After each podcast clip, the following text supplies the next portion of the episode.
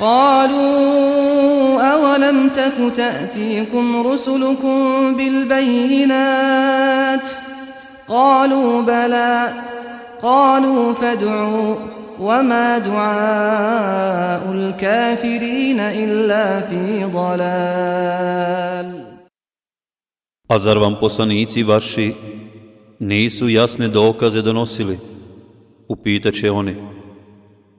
Jesu, odgovorit će. Molite onda vi, reći će oni. Ali će molba oni koji nisu vjerovali uzaludna biti. Kazivanje o Allahovim vjerovjesnicima. Kazivanje o Nuhu, alaihissalam. Kur'ansko kazivanje o Nuhu, alaihissalam, spomenuto je u surama Al-A'raf, Yunus, Hud, Al-Anbiya, Al-Mu'minun, Al-Shu'ara, Al-Ankebut, Al-Saffat i Al-Qamer. Čak je jedna sura nazvana po njemu. U skladu sa ajetima, hadisima poslanika Muhammeda sallallahu alaihi wasallam, predajama od ashaba, kao i nekim israelijatima, navešćemo kazivanje o Nuhu alaihi salam. Nuh a.s. salam je praunuk vjerovjesnika Idrisa. A Idris je po silaznoj muškoj lozi peti potomak vjerovjesnika Šita a.s. salam, sina Ademova a.s. salam. Između Nuha a.s. salam i Adema a.s. salam je bilo deset stoljeća ili generacija. Ibn Hibba navodi da je Ebu Umame radijallahu an rekao Upitao je jedan čovjek Allahovog poslanika sallallahu alaihi wasallam da li je Adem bio vjerovjesnik? Ne. Da. Allah je s njim razgovarao. Odgovorio je. A koliko je bilo između njega i Nuha? Upitao je. Deset karnova, odgovorio je poslanik. Riječ karn u arapskom jeziku ima dva značenja. Stoljeće i generacija. I ako se pod izrazom karn misli na stoljeće, kao što smatra većina učenjaka, onda je između Nuha a.s. i Adema a.s. bilo hiljadu godina. Međutim, ako se pod izrazom karn misli na ljudsku generaciju, onda je između njih proteklo hiljade godina, jer su generacije prije Nuha a.s. živjele veoma dugo. A Allah najbolje zna. Buharija navodi da je Ibn Abbas, radijallahu an, rekao Između Adema i Nuha je bilo deset karnova i svi su bili muslimani. Nakon vjerovanja u jednog Boga, Allaha, tauhida prvih generacija čovečanstva, desile su se neke stvari koje su nove generacije navele na obožavanje izmišljenih božanstava. Širk. Buharija navodi da je Ibn Abbas radijallahu an tumačeći riječi uzvišenog Allaha i govore Nemojte ni pošto svoje bogove napuštati, ni pošto ne ostavljajte ni Vedda, ni Suva, ni Jegusa, ni Euka, ani Nesra. Rekao, ovo su imena dobrih ljudi Nuhovog naroda. Kada su pomrli, šeitan je došaptavao njihovim potomcima da podignu kipove na mjestima gdje su oni odsjedali i da ih nazovu njihovim imenima. Oni su to i uradili, ali još nisu obožavali. Međutim, kada je ta generacija pomrla i nestalo znanje, te kipove su počeli obožavati. Ibn Ebi Hatim navodi da je Ebu Džafer el-Bakir rekao Ved je prvo što je obožavano mimo uzvišenog Allaha, On je bio dobar čovjek i u svom narodu mnogo omiljen. Kada je umro, okupili su se ljudi oko njegovog mezara u Babilonu i žalili za njim. Kada je Iblis vidio koliko žale za njim, pretvorio se u ljudski lik i rekao im Vidim koliko žalite za ovim čovjekom. Hoćete li da vam ga naslikam i da vam sliku postavim tu gdje se sastajete, pa da ga se tako prisjećate? Odgovorili su da hoće, pa im ga je naslikao. Tu sliku su stavili na mjesto gdje su se okupljali, te su ga počeli u svojim razgovorima spominjati i veličati. Kada je to Iblis vidio, rekao im je. Hoćete li da u kući svakog od vas napravim njegov kip, pa da ga se i tako osjećate? Rekli su, hoćemo. Tako je za svaku kuću napravio njegov kip, pa su ga se i tako počeli sjećati. Njihovi potomci su to doživjeli, pa su gledali kako to oni radi. I kako su se novi potomci rađali, Iblis im je predlagao kako će ga se sjećati, dok nije djecu njihove djece naveo da ga počnu obožavati mimo Allaha uzvišenog. Tako je kip, koga su nazvali Ved, bio prvo što je obožavano mimo Allaha uzvišenog. Nedugo zatim, ljudi su opasno skrenuli u zabludu i nevjerstvo. Širk, mnogoboštvo se proširi u tolikoj mjeri da na zemlji skoro nije bilo monoteista. Svi ljudi su bili mnogobošci, osim Nuha. U takvom stanju Allah uzvišeni je poslao svoga roba i poslanika Nuha a.s. da poziva obožavanju samo Allaha uzvišenog, jedinog Boga, koji nema sudruga i da odvraća od obožavanja bilo čega osim njega. Isto to Allah uzvišeni naredio je i svim poslanicima nakon njega. Uzvišeni Allah kaže Mi prije tebe nismo ni jednog poslanika poslali, a da mu nismo objavili. Nema Boga osim mene, pa mene obožavajte. Zato je Nuh a.s. govorio svome narodu.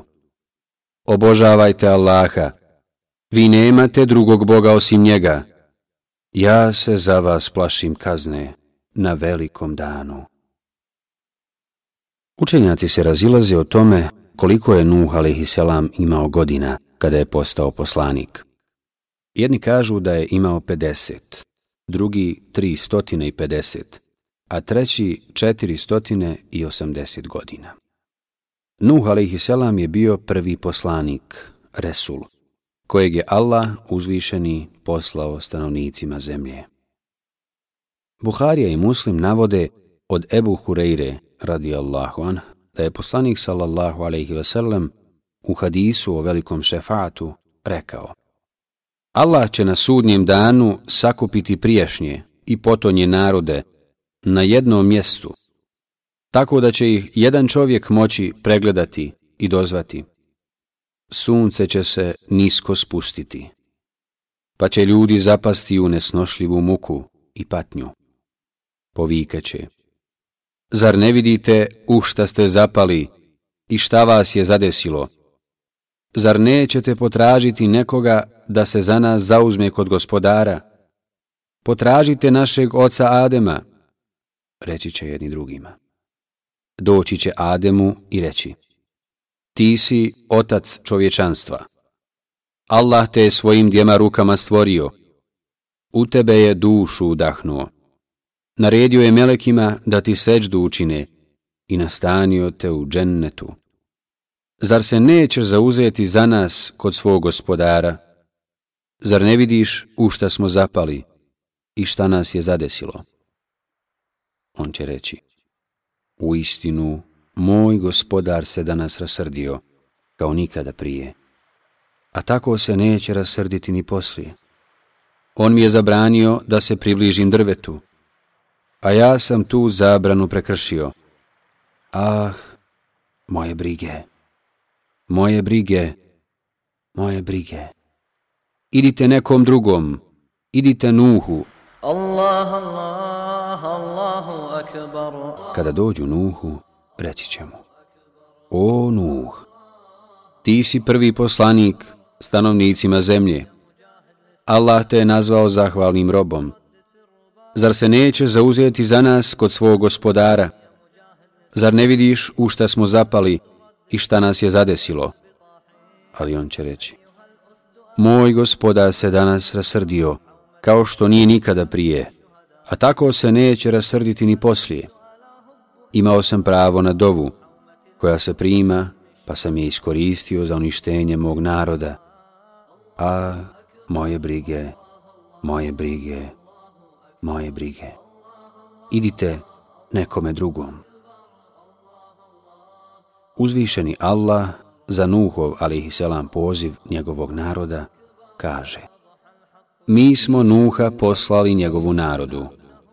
Opominji svoj narod prije nego što im dođe bolna kazna. O narode moj, govorio je on, ja vas jasno opominjem, Allaha obožavajte, njega se bojte i meni poslušni budite. On će vam oprostiti vaše grijehe i do određenog časa vas poživiti.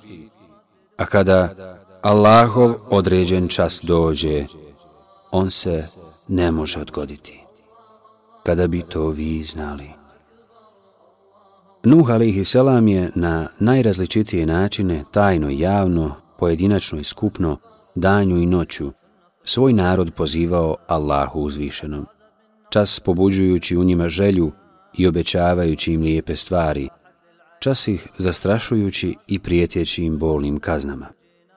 Uzvišeni Allah kaže, Gospodaru moj, reče on, ja sam svoj narod pozivao i danju i noću, ali ih je moje pozivanje još više udaljilo, i kada god sam ih pozivao da im oprostiš, prste su svoje u uši stavljali i haljinama se svojim pokrivali i u tome su bili uporni i pretjerano oholi. Zatim sam ih otvoreno pozivao, pa im i javno i tajno govorio, tražite oprost od gospodara svoga, jer on doista mnogo prašta. On će vam obilnu kišu slati, pomoći vas i mecima i sinovima i dati vam bašće i rijeke. Šta vam je, pa se Allahove veličine ne bojite, a On vas u fazama stvara.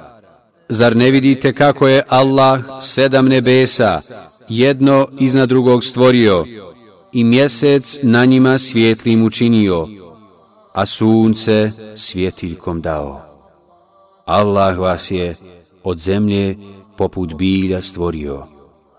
Zatim će vas u nju vratiti i iz nje ponovo izvesti. Allah vam je zemlju učinio ravnom da biste po njoj prostranim putevima išli. Međutim, ništa od ovoga nije na njih djelovalo. Ustrajavali su u zabludi, krivom putu i obožavanju kipova. Sam vladar Nuhovog alihiselam naroda bio je veliki nevjernik. Odvraćao je ljude od Nuha alihiselam, druženje s njim i zabranjivao im napuštanje obožavanja kipova. Ljudi su ostavili Nuha alihiselam, a poveli se za vladarom. Otuda i Nuhove alihiselam riječi. Gospodaru moj, oni me ne slušaju. I slijede one čiji im imeci i djeca samo propast uvećavaju. Oni velike spletke prave i govore, nemojte ni pošto svoje bogove napuštati, Nipošto ne ostavljajte ni Veda, ni Suva, ni Jegusa, ni Jeuka, ani Nesra. I tako su mnoge u zabludu odveli. Nuhu alaihissalam su u svakoj prilici iskazivali neprijateljstvo i grdili i njega i one koji su njemu povjerovali. Prijetili su im kamenovanjem i protjerivanjem. To su s nekima i učinili i tako prevršili svaku mjeru. Uzvišeni Allah kaže A glavešine iz njegovog naroda su odgovorile Mi zaista smatramo da si ti u očitoj zabludi. Na to je on rekao O narode moj, nisam ja ni u kakvoj zabludi nego sam poslanik od gospodara svjetova. Dostavljam vam poslanice svoga gospodara i savjetujem vas. Ja znam od Allaha ono što vi ne znate. Ovako je Nuh, alaihisselam, velikom razboritošću i riječitošću razgovarao sa svojim narodom. Između ostalog, oni su mu govorili. Koliko mi vidimo, ti si samo čovjek, kao i mi. A vidimo i da te bez ikakva razmišljanja slijede samo oni koji su među nama niko i ništa. Ne vidimo da ste i u čemu bolji od nas. Naprotiv, mi vas smatramo lašcima. Nima je bilo čudno da čovjek bude poslanik. Pored toga, smatrali su da, ako bi već poslanik bio od ljudi, trebao bi biti neko od njih bogatih i uglednih. Nakon toga primijetili su i prigovorili Nuhu selam da ga slijedi najniži sloj ljudi i da su mu se samo zato što ih je pozvao odazvali i povjerovali, bez ikakva razmišljanja i razmatranja, a ne njihovi ugledni uvaženi ljudi. Međutim, baš to što su im prigovarali u stvari bile je vrlina, zbog koje se pohvaljuju, jer za očitu istinu nije potrebno puno razmišljanja i razmatranja, nego je treba odma slijediti i predati joj se čim se pojavi. Istina je sama po sebi zdrava i ispravna. Bez obzira da li je slijedili bogati ljudi ili siromašni. Oni, zapravo koji slijede istinu, ugledni su, pa makar bili siromašni. A oni koji je odbijaju bez ugleda su, pa makar bili bogati. Međutim, činjenica je da su često imovinski slabiji ljudi sljedbenici istine, dok su imovinski jači ljudi poricatelji i negatori. يا هلا مرحبا مرحبا بالجميع نبت الربيع يا هلا مرحبا مرحبا بالجميع الكرم لكم والكرم ما يضيع عند قوم انتحاموا على دينها. الكرم لكم والكرم ما يضيع عند قوم انتحاموا على دينها. يا هلا مرحبا مرحبا بالجميع. عندي وام السقا عندي نبت الربيع. يا هلا مرحبا Glavešine Nuhovog, ali i selam naroda, tražili su od njega da otjera i udalji od sebe siromašne i nemoćne vjernike. I obećali mu da će se oni, ako to uradi, okupiti oko njega. Jer nedoliko je njima da sjede zajedno sa siromašnima.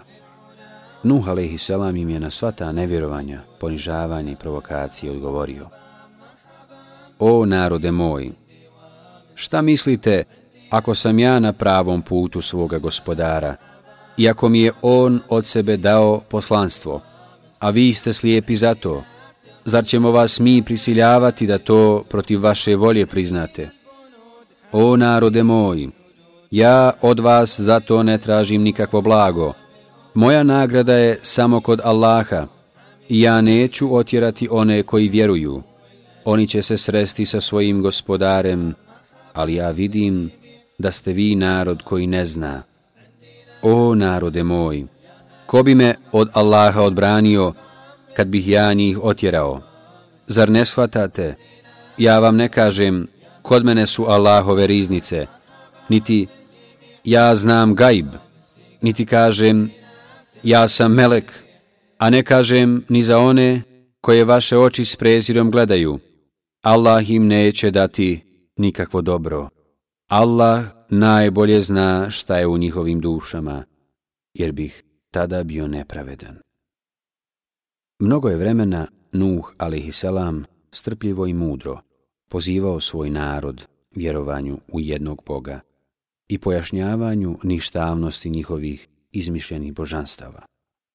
Uzvišeni Allah kaže Kaži im vijest o Nuhu, kada on reče narodu svome, O narode moj, ako vam je dodijao moj boravak među vama i moje opominjanje Allahovim dokazima, a ja se na Allaha oslanjam, onda se zajedno sa božanstvima svojim odlučite i to ne krite, zatim to nadamnom izvršite i ne odgađajte. Njegov narod to nije smio učiniti, nego su govorili, pustite ga, luđak i lažov, Mnogo je vremena prošlo, a malo njih se odazvalo njegovom pozivu. Kada god bi jedna generacija izumrla, oporučivali bi onima iza sebe da mu ne vjeruju, da mu se suprostavljaju i da se protiv njega bore, Tako bi otac, kada mu sin poraste i mogne razumjeti, nasamo ga savjetovao da ne vjeruje Nuhu, ali selam, koliko god živio i koliko god postojao. Svaka nova generacija je bila gora od prethodne, ali ih je Nuh, a.s. uprko svemu tome pozivao. Nuh, a.s. je među njima ostao, kako uzvišeni Allah kaže, hiljadu manje 50 godina. Ali samo je mali broj njih povjerovao. Njihova pokvarena priroda je odbijala vjeru i slijedjenje istine. Nuh a.s. je vidio i shvatio da u njima nema nikakva dobra. Skoro je bio izgubio svaku nadu da bi se situacija mogla popraviti, jer su ga na sve načine, dijelima i riječima, vrijeđali, suprostavljali mu se i utjerivali ga u laž. Govorili su mu, O Nuhu, s nama si raspravljao, pa si odulio raspravu. Daj neka nam se desi to čime nam prijetiš, ako istinu govoriš. Ako Allah tjedne, reče on, on će vam to dati i vi mu nećete moći umaći. Nuhovom, alaihisselam, narodu, uveliko dodija Nuhovo pozivanje, polemiziranje, kako su ga oni nazvali. Pa iznesoše prijedlog i zahtjev da čini dovu protiv njih, da se odmah obistini Allahova kazna nad njima, ako on istinu govori. Allah uzvišeni mu naredi da protiv njih to i uradi. I Nuh, alaihisselam, zamoli Allaha uzvišenog da na njih izlije svoju srđbu, pa mu se Allah odazvao i primio njegovu dovu. Uzvišeni Allah navodi Nuhovu, alaihisselam dovu. Gospodaru moj, reče on, moj narod me u lažu tjeruje.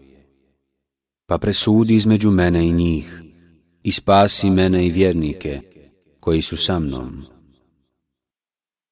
Gospodaru moj, ne ostavi na zemlji ni jednog nevjernika, jer ako ih ostaviš, oni će robove tvoje u zabludu zavoditi i samo će griješnike i nevjernike rađati. Gospodaru moj, oprosti meni i roditeljima mojim. I onome ko kao vjernik u moj dom uđe, i vjernicima i vjernicama, a nasilnicima samo propast povećaj. Uzišani Allah također kaže I on je gospodara svoga zamolio Ja sam pobjeđen, pa pomozi.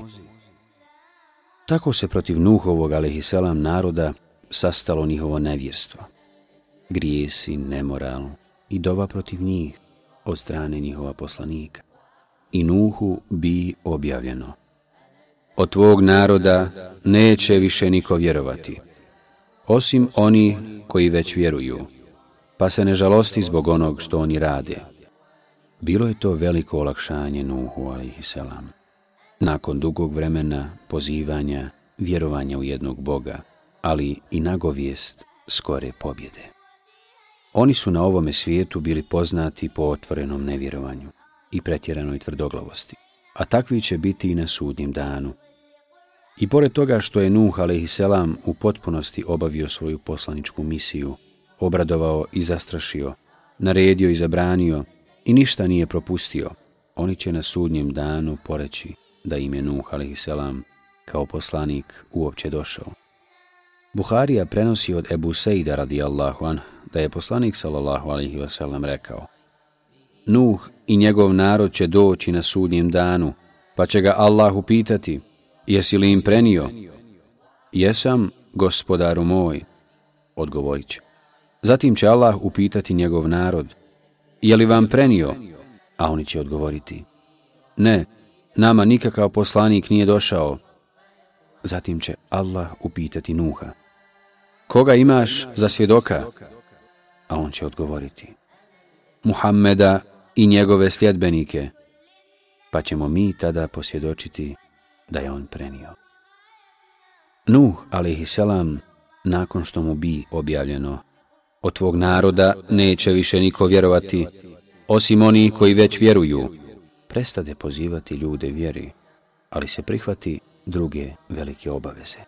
kojom ga Allah uzvišeni zaduži. Uzvišeni Allah kaže I mi mu objavismo, pravi lađu po našem nadzoru i našem nadahnuću. Neki učenjaci kažu, kada je Allah uslišao njegovu dovu, naredio mu je da zasadi drvo, od koje će kasnije napraviti lađu. Posadio ga i čekao stotinu godina da naraste. A onda je naredni stotinu, a po mišljenju nekih 40 godina, obrađivao to drvo. Ljudi su mu dolazili, ali ih Nuh a.s. nije više pozivao. Ljudi su mu se čudili, rugali i govorili. O, Nuhu, zar si postao drvosjeća i stolar, nakon što si bio poslanik? Nuh, a.s. je po Allahovom nadahnuću i pod njegovim nadzorom i praćenjem pravio lađu tako da je pravilno napravio. Nuhova alaihisselam lađa je bila prva napravljena lađa i Allah uzvišen ju je učinio trajnim primjerom i uzorom gradnji. Bila je tako velika da joj posle nije bilo slične. Od Ibn Abbasa radijallahu an se prenosi da je rekao Bila je duga hiljadu i dvije stotine, široka šest stotina, a visina joj je bila 30 ademovih aršina. Imala je tri sprata, za svaki sprat po deset aršina. Najniži sprat je bio za životinje i divljač, srednji za ljude, a gornji za ptice. Vrata su joj za sva tri sprata bila sa zadnje strane, a sa gornje strane je bila zaštićena jednim prekrivačem. Nuh a.s. selam je gradio lađu na brdu, gdje u blizini uopće nije bilo vode. Uzvišeni Allah kaže I on je pravio lađu, i kad god bi pored njega prolazile glavešine njegovog naroda, izrugivali bi mu se. Nisu vjerovali da će se desiti ono čime im je prijetio. Ako se vi rugate nama, govorio je on, i mi ćemo se rugati vama, kao što se i vi rugate, i saznaćete kome će doći ponižavajuća kazna i ko će u vječnoj patnji biti. Allah uzvišen je obavijestio Nuh a.s. da će spasiti od potopa njegovu porodicu, sve vjernike i po par svih životinskih vrsta, kako bi one opstale, ali ga je i upozorio da se, kada se ispuni njegova naredba i zadesi ih njegova kazna, kod njega ponovo ne zalaži za njih. Allah uzvišen je znao da bi se on mogao sažaliti kada vidi kako ih kazna obuzima. Uzvišeni Allah mu je rekao, Kada dođe naša naredba i voda provri, ti u lađu ukrcaj od svake vrste po jedan par i svoju porodicu, osim oni o kojima je sud već donesen. I ne obraćaj mi se za one koji ne vjeruju. Oni će doista biti potopljeni. I kad je zapovjed naša pala i voda s površine zemlje pokuljala, mi smo rekli, ukrcaj u lađu od svake životinske vrste po jedan par, porodicu svoju, osim oni o kojima je bilo govora, i vjernike, a malo je bilo oni koji su s njim vjerovali. Kada je voda pokuljala s cijele površine zemlje, čak i iz zemljenih peći u kojima je gorjela vatra, Nuhu a.s. je bilo naređeno da se zajedno sa vjernicima ukrca u lađu. On zajedno sa vjernicima pohita na brdo prema lađi i kazna poče zahvatati nevjernike. Po pitanju broja oni koji su s njim spašeni na lađi od Ibn Abbasa, radi Allahu an se prenosi da je rekao, bilo ih je osamdeset. Sa Nuhom a.s. su bili i njegova tri sina, Sam, Ham i Jafet i njegove snahe, a sin Jam je potopljen. Što se tiče Nuhove a.s. žene, koja je spomenuta u Kur'anu, umrla je kao nevjernica prije potopa.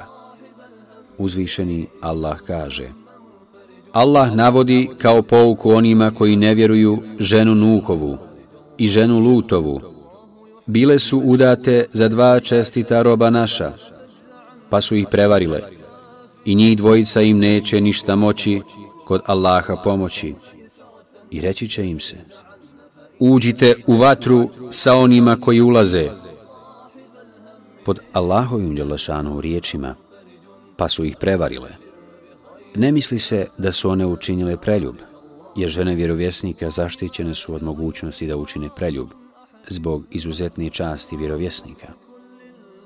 Od Ibn Abbas radijallahu an se prenosi da je rekao Nevjera Nuhove žene sastojala se u tome što se nije slagala s njim u vjerovanju i nije povjerovala u njegovo poslanstvo.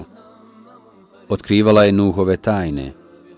Kada bi neko postao vjernik, ona bi to saopćila buntovnicima Nuhovog naroda.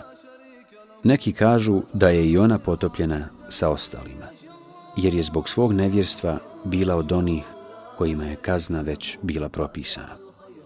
A neki kažu da je i ona bila u lađi. U tom slučaju moguće je da je postala nevjernica nakon toga ili da joj je kazna odgođena do sudnjeg dana. Međutim, ispravniji je prvi stav. Kada je Nuh a.s. zajedno sa vjernicima stigao na brdo, zatekao je pred lađom po par svih životinja. Došle su sa svih strana svijeta i čekale dozvolu da se popnu na lađu. Kada se Nuh a.s. zajedno sa onima koji su vjerovali smjestio u lađu, rekao je Hvala Allahu koji nas je spasio od naroda nasilničkog. Gospodaru moj, iskrcaj me na blagoslovljeno mjesto. Ti si onaj koji to najbolje umije. Zbog toga je lijepo spomenuti Allahovo ime pri ukrcavanju u brod, jahanju životinje ili ulasku u bilo koje prevozno sredstvo. Ukrcali su se na lađu i došla je naredba o potopu zemlje i svega što je bilo na njoj. Uzvišeni Allah kaže I mi smo kapije nebeske potvarali vodi, koja je neprestano obilno lila, i učinili da iz zemlje izvori provru, i vode su se sastale kako je određeno bilo. I on reče, ukrcajte se u nju, u ime Allaha, neka plovi i neka pristane.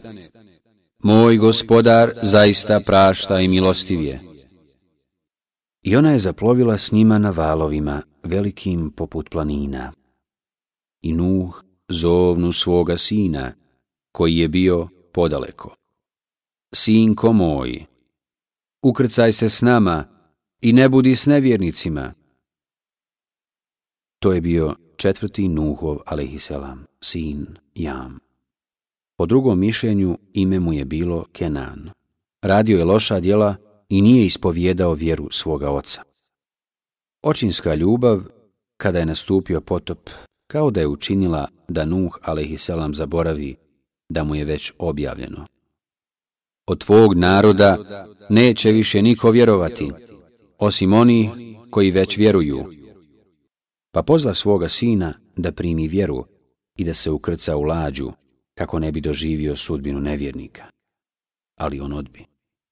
On reče, sklonit ću se na kakvo brdo koje će me od vode zaštititi, vjerujući da poplava neće dostići vrhove planina. Nuh, alihi selamu, reče, Niko danas Allahove kazne neće pošteđen biti, osim onoga kome se on smiluje. I val ih razdvoji, i on potopljen bi. Propade sa svojim istomišljenicima, mnogobošcima na ovome, a propasće i na budućem svijetu. Tako je to bilo, a sa njegovim ocem su se, osim njegove braće, spasili i ljudi koji Nuhu a.s. nisu bili ništa u rodu, ali su vjerovali u Allaha uzvišenog, kao jedinog Boga i Nuha a.s. kao njegovog poslanika. Allah uzvišeni je prethodno obećao Nuhu a.s. da će spasiti njega i porodicu njegovu. Svi članovi njegove porodice bili su na lađi, osim njegovog sina Jama. Nuh a.s. se tada, kada ih val razdvoji i sin mu potopljen bi, prisjeti Allahovog obećanja i obrati se gospodaru svome riječima. Gospodaru moj, sin moj je od moje porodice, a tvoje obećanje je istinito i ti si od mudrih najmudriji. يكفيك. إلى مولاك يكفيك. ولا تأمن هجوم الموت إن الموت يأتيك. إن الموت يأتيك. تضرع في دجى الليل. إلى مولاك يكفيك. إلى مولاك يكفيك. ولا تأمن هجوم الموت إن الموت يأتيك. إن الموت يأتيك. Nuh alaihi selam se nije protivio Allahovoj odredbi, nego je samo tražio pojašnjenje. O Nuhu, reče on, on nije od tvoje porodice, jer on radi ono što ne valja. Zato me ne moli za ono o čemu ne znaš. Savjetujem te da ne budeš neznalica. Ovim je Allah uzvišeni pojasnio Nuhu, alaihisselam, da njegov sin Jam nije od onih iz njegove porodice, koje mu je Allah obećao spasiti jer Allah uzvišeni mu je rekao i tvoju porodicu, osim onih o kojima je sud već donesen. Allah uzvišeni mu je obećao spasiti članove porodice koji vjeruju, ali ne i one protiv kojih je Nuhov a.s. doba. Gospodaru moj, ne ostavi na zemlji ni jednog nevjernika, već uslišana. Nuh a.s. shvati da je pogriješio i pokaja se Allahu uzvišenom riječima. Gospodaru moj, utječem ti se da tražim ono o čemu ne znam. I ako mi ti ne oprostiš i ne smiluješ mi se, bit ću izgubljen. Uzvišeni Allah kaže. A njega smo nosili na onoj lađi od dasaka i eksera sagrađenoj, koja je plovila pred našim očima. Allah uzvišeni je lično nadgledao, pazio i čuvao Nuhovu alaihissalam lađu, koja je plovila na valovima poput planina. Jedan broj mu Fesira kaže, voda se tada podigla 15 aršina iznad najvisočije planine na zemlji i poplavila je cijelu zemlju, uzduž i poprijeko. Tako da na zemlji nije ostalo žive duše, ni staro, ni mlado. Ima Malik navodi da je Zaid ibn Eslem radijallahu an rekao. Ljudi su u to doba nastanjivali sve doline i brda, a Ibn Ebi Hatim navodi da je Abdurrahman ibn Zaid ibn Eslam rekao Svaki dijelić zemlje u to doba imao je svoga vlasnika. Ibn Džerir i Ibn Ebu Hatim prenose od Aiše radijallahu anha da je poslanik sallallahu alihi wasallam rekao Nuh je ostao među svojim narodom hiljadu godina, manje 50. On je posadio drvo koje je raslo sto godina, pa je naraslo veliko i razgranalo se. Zatim ga je posjekao i počeo od njega praviti lađu. Neki ljudi su prolazili pored njega i ismijavali mu se govoreći. Ti praviš lađu na kopnu, pa kako će ona ploviti? A on bi im odgovarao. Znaćete vi to. Kada ju je dovršio i voda počela naokolo plaviti, mati jednog djeteta se uplašila za dijete koje je jako voljela, pa ga je ponijela na jedno brdo i popjela se do njegove trećine.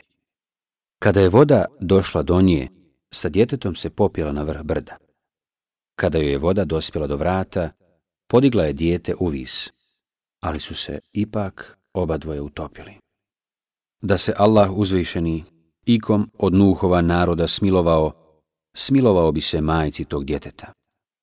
Međutim, ovo najvjerovatnije nisu riječi poslanika sallallahu alihi veselem, nego nekoga sahaba koji je to preuzeo od nekoga ko prenosio u predaju, od ehlu kitabija. Allah najbolje zna. Uglavnom, Allah uzvišeni je uslišao Nuhovu alaihissalam dovu. Gospodaru moj, ne ostavi na zemlji ni jednog nevjernika. I oni su zbog svojih grijeha potopljeni i od njih niko nije ostao. A na sudnjem danu će biti u vatru uvedeni. Kada je sa stanovnicima zemlje bilo završeno, i kada na njoj nije ostao niko ko obožava nekog ili nešto mimo Allaha uzvišenog. Allah uzvišen je zemlji naredio da proguta svoju vodu, a nebu da prestane liti kišu. I povuče se voda i smanji se njen nivo. I ispuni se odredba i snađe ih ono što je Allah uzvišeni još prije znao i odredio. A to je da će ih zadesiti kazna koja ih je zadesila. I bi rečeno, zemljo, gutaj svoju vodu, a ti nebo, prestani.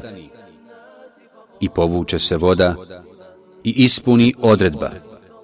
A lađa pristade na El Džudiju i bi rečeno, daleko bio narod nevjernički. Kada je njegova lađa pristala na planini El Džudije i kada je bilo ponovo moguće hodati po zemlji, uzvišeni Allah je rekao. O Nuhu, iskrcaj se sa mirom našim i blagoslovima tebi i narodima koji će se izroditi od ovih koji su s tobom. Biće naroda kojima ćemo davati da uživaju, a koje će poslije snaći naša kazna nesnosna. Neki kažu da se Nuh, a.s. sa svojim saputnicima ukrcao u lađu desetog ređepa, da su u njoj plovili 150 dana i da su u lađi na planini El Džudiji ostali mjesec dana. Njihov izlazak iz lađe desio se deseti dan Muharrema, a Allah najbolje zna. Imam Ahmed navodi da je Ebu Hureyre radijallahu an rekao. Poslanik sallallahu alaihi veselem je jednom prilikom prošao pored nekih jevreja koji su postili Jeum Jašuru, deseti dan Muharrema, pa ih je upitao. Zašto danas postite? Oni su odgovorili. Na današnji dan je Allah spasio Musa i sinove Israilove od potopa, a potopio Faraona. Na današnji dan je lađa pristala na El Džudiji. Nuh i Musa su postili ovaj dan iz zahvalnosti Allahu. Na to je poslanik rekao, ja sam bliži Musa'u od vas, pa mi je i preče postiti ovaj dan nego vama. Zatim je naredio ashabima, ko je od vas jutro zapostio, neka post dovrši. Ako nije, neka posti ostatak dana. Ovaj hadis ima potvrdu u Buharinom sahihu, u nešto drugačijoj verziji, u kojoj se ne spominje Nuh, a.s. A Allah najbolje zna. Kada su se iskrcali iz lađe, Allah uzvišen je Nuhu, a.s. obećao da više nikada neće dati potop stanovnicima na zemlji i kao znak sjećanja na to obećanje dao dugu u oblacima. Ljudi su nakon potopa nastanjivali područje sjevernog Šama, to jest jug današnje Turske i sjever Sirije. Allah uzvišen je učinio neplodnim sve ljude koji su sa Nuhom a.s. spašeni. Samo su Nuhovi a.s. sinovi dobili potomstvo. Zbog toga je Nuh a.s. drugi otac čovječanstva. O tome uzvišeni Allah kaže. A kada nas je Nuh zovnuo, mi smo se lijepo odazvali. Njega i porodicu njegovu nevolje teške smo spasili i samo potomke njegove u životu ostavili i u naraštajima kasnije mu spomen sačuvali. Mir Nuhu od svjetova svih.